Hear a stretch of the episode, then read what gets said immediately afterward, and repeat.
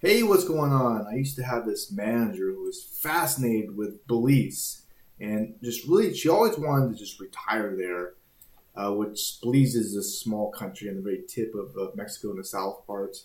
So I was always curious, why Belize? What's so special about it? And also how it compares to Mexico.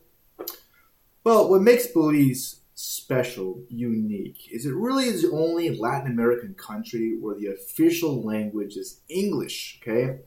Uh, well, plus the country has a large percentage of foreigners.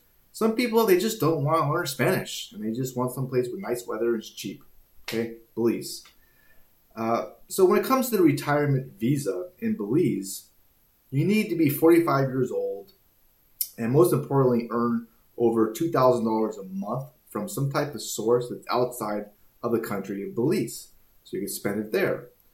Uh, you also have to have a clean criminal uh, history, pass a background check, and they also do like a medical uh, as well. They want a medical report. Now, the tourist visa in Belize only lasts 30 days, um, and you can't do a border run to reset that 30 days, which means you leave the country and resets. That doesn't work.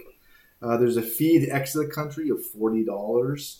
Uh, you can extend that 30 day visa, but it costs $100.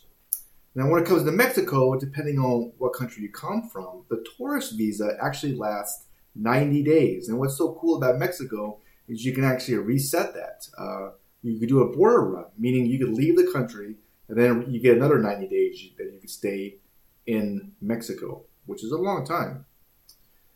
Uh, the next visa is a temporary resident uh, visa where you can stay longer than uh, well six months. Plus, you can open a bank account in Mexico. Uh, you can get a driver's license, buy a home, register a vehicle.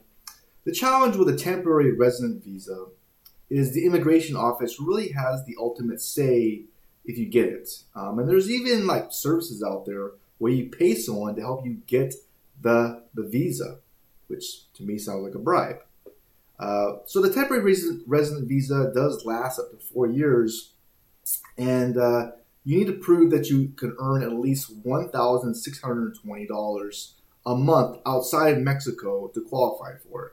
So it's actually less money than Belize that you have to make. Um, and after four years, you can apply for a permanent resident uh, visa, and can, which means you can even work in Mexico, and you know if you want to do. So if you want to learn more uh, how both healthcare systems of countries how they compare, as well as how many foreigners both countries have, uh, you just click that link below or go to uh, trustthelink.com. Uh, I hope this video or podcast was a little helpful. If you have something to add, then you know please leave a comment below.